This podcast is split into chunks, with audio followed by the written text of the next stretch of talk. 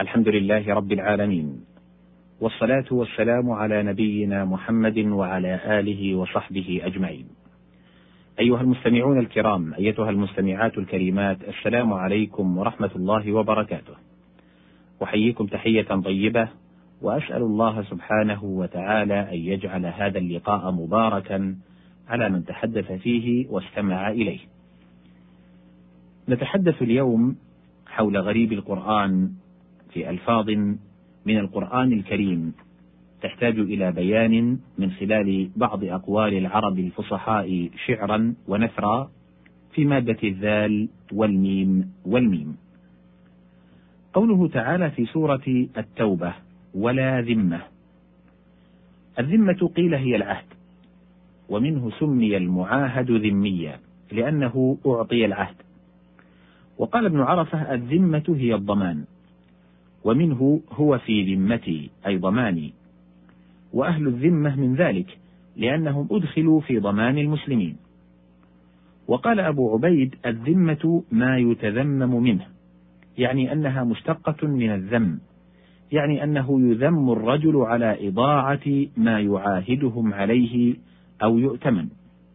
ومثلها الذمام والذمة والمذمة.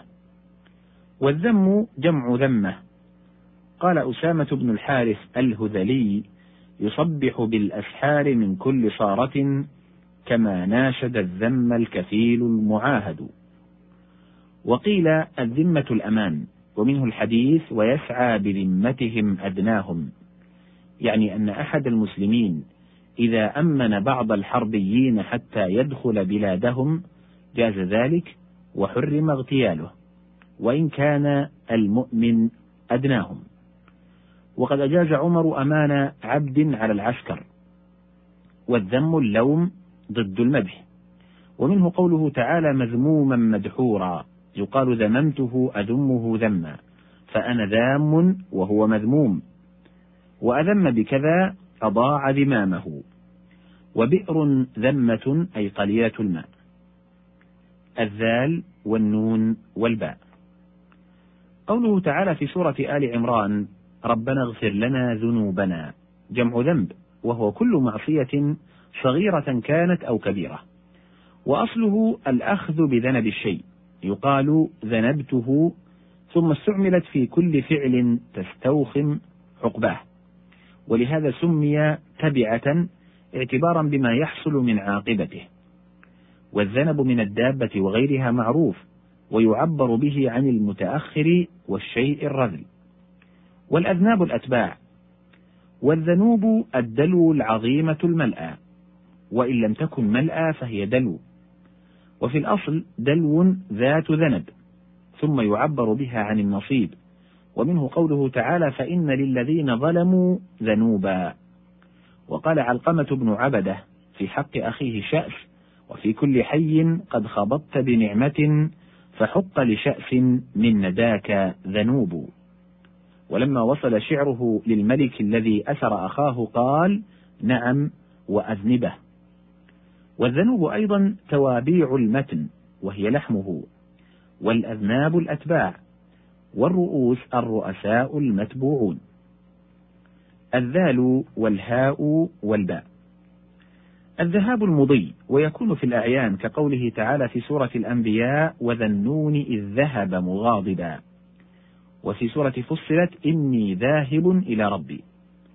وفي المعاني كقوله تعالى فلما ذهب عن إبراهيم الروع. ويتعدى بالهمزة أو بالباء نحو ذهب الله بنورهم. وإنما يريد الله ليذهب عنكم الرجس. ويعبر به عن الموت ومنه قوله تعالى فلا تذهب نفسك عليهم حسرات. أي لا تهلكها تحسرا عليهم إن لم يؤمنوا. وقد يعبر به عن الفوز بالشيء. قال تعالى لتذهبوا ببعض ما آتيتموهن أي لتفوزوا. والذهب معروف ويؤنث بالتاء يقال ذهبة ويصغر على ذهيبة. وكميت مذهب علت حمرته صفرة. فكأن عليه ذهبا. قال طفيل الغنوي وكمتا مدماتا كأن متونها جرى فوقها واستشعرت لون مذهبي. ورجل ذهب أي دهش حين رأى معدن الذهب. وفي الحديث كان عليه الصلاة والسلام إذا أراد الغائط أبعد في المذهب. قال أبو عبيدة يقال لموضع الغائط الخلاء والمذهب والمرفق والمرحاض. والذهب أيضا مكيال معروف باليمن ويجمع على أذهاب ثم يجمع أذهاب على أذاهب. ومنه حديث بعض الصحابة أذاهب من بر وأذاهب من شعير. الذال والهاء واللام. قوله تعالى في سورة الحج تذهل كل مرضعة أي تدهش وتتحير. وقيل تسلو يقال ذهلت عن الشيء وذهلت أذهل ذهولا فأنا ذاهل. إذا انصرفت وتركته. وقيل الذهول شغل يورث حزنا ونسيانا وذهل علم لشخص تنسب إليه القبيلة المشهورة من بني بكر الذال والواو والدال. قوله تعالى في سورة القصص تذودان أي تطردان غنمهما عن غنم الناس لئلا تختلط بها. وقيل تذودان تذودان وجوههما نظر الناس. يقال ذدته أذوده ذودا أي صرفته عني. وقيل يكفان غنمهما حتى يفرغ الحوض من الوارد وهو أظهر لقوله حتى يصدر الرعاء. والذود من الإبل ما بين الاثنين إلى التسع للإناث خاصة دون الذكور.